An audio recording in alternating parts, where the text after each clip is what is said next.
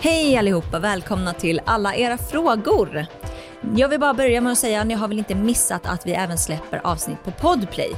Eh, vi släpper alltså två avsnitt varje måndag och ett är i det vanliga flödet kan man kalla det och ett är exklusivt på Podplay. Jajamän. Så gå in där eller ladda ner den appen om ni vill lyssna på det. Okej, dagens fråga.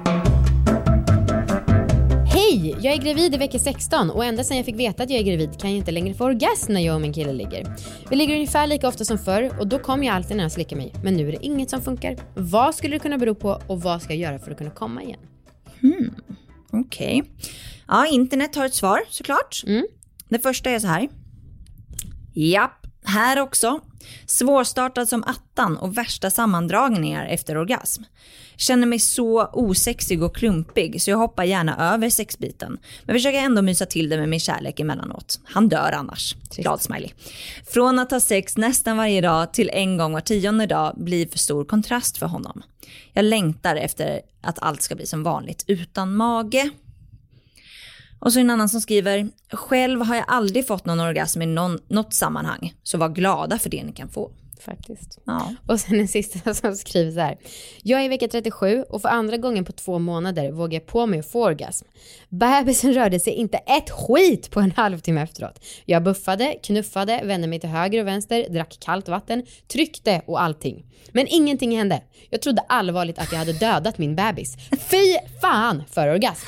Ledsen smiley.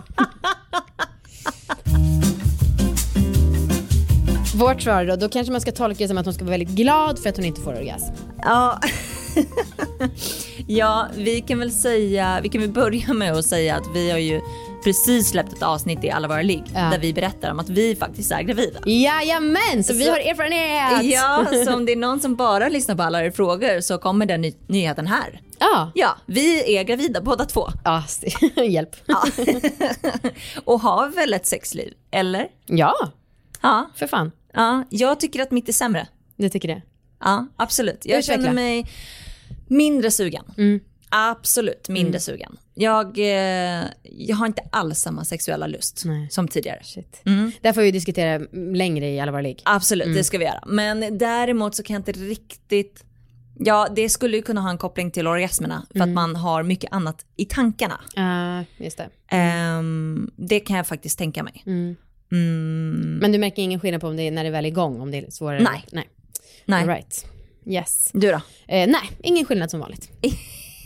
Det är som en maskin. Ja men alltså, och vi, vi har ju snackat lite internt om det där. Jag tror ju att jag i allmänhet är ganska opåverkad av hormoner. Ja, Alltså ja, jag har ju liksom haft sköldkörtelproblematik utan att märka det. ja. Eh, och jag tror faktiskt att jag har inte haft så mycket PMS. Alltså jag tror att jag bara är en sån som inte påverkas Fan så vad mycket. skönt. Ja, jag tror det. Faktiskt. Mm. Eh, men så min sexlust är som vanligt. Ja, för du märkte ju inte heller något när du hade spiral när du satte in den. Nej, alltså, det var precis. bara, ah. Och Men du kanske den. är hälften maskin. Kanske det. Ah. Och det är väl modernt och bra. det är väldigt modernt. Mm. Ja, nej men det låter ju verkligen som att hon inte riktigt kan koppla av. Ja, kanske det. Ja, och det kan ju bero på en mängd olika saker. Att det känns nojigt att ha sex, att det kan vara en noja, den här gamla eh, godingen att man tror att det, Det att det kan förstöra barnet. Ja. Att det kan liksom poka på barnet Ja. och det, så är det ju inte. Eh, men eh, ja, Ja, för vet du, i början när vi fick reda på det så, vi, så pratade vi, shit vad konstigt så här. Alltså, för det känns ju snuskigt liksom med Mm. ett barn, en bebis. Eh, och Victor bara, ja hur fan ska man kunna ha liksom lite mer rough sex? Mm. Det blir bara älskog nu. Ja. Visa mamma och pappa älskar varandra. Ja, det finns ju risk.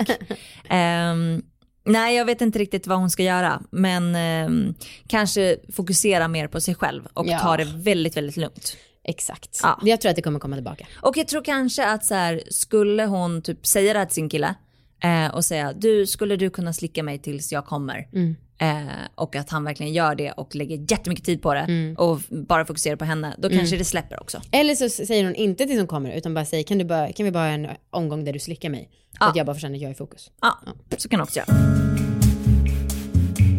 Men vi har en expert också. Det är Linn Hed på Aftonbladet. Ja. Svarar så här. Ta det bara lugnt. Du är höggravid och lusten, hormonerna och kroppen påverkas naturligtvis av detta underbara tillstånd. Du kan känna dig helt lugn och trygg med att du kan få orgasm i samlag. Det vet både du och din pojkvän. Nu är kroppen och knoppen stad i stor omvälvande förändring och tillåt dig själv att det får vara så. Lägg prestationer, krav och oro åt sidan. Ni kommer att kunna ha ett tillfredsställande sexliv igen, men just nu så behöver du rikta fokus mot ditt inre och det barn som snart är på väg. Det låter fint och bra. Ja, jag vet inte. Nähä. Jag tycker mer att det låter så här, ja, skippa sex under nio månader. Mm. Men det kan hon väl också göra om hon vill det? Ja, så kan man ja. också göra. Det är sant. Eh, ja, det var den lilla nyheten. Yes. Ja. Eh, lyssna på alla våra ligg om ni vill höra mer. Gör det verkligen. Hej då! Hej!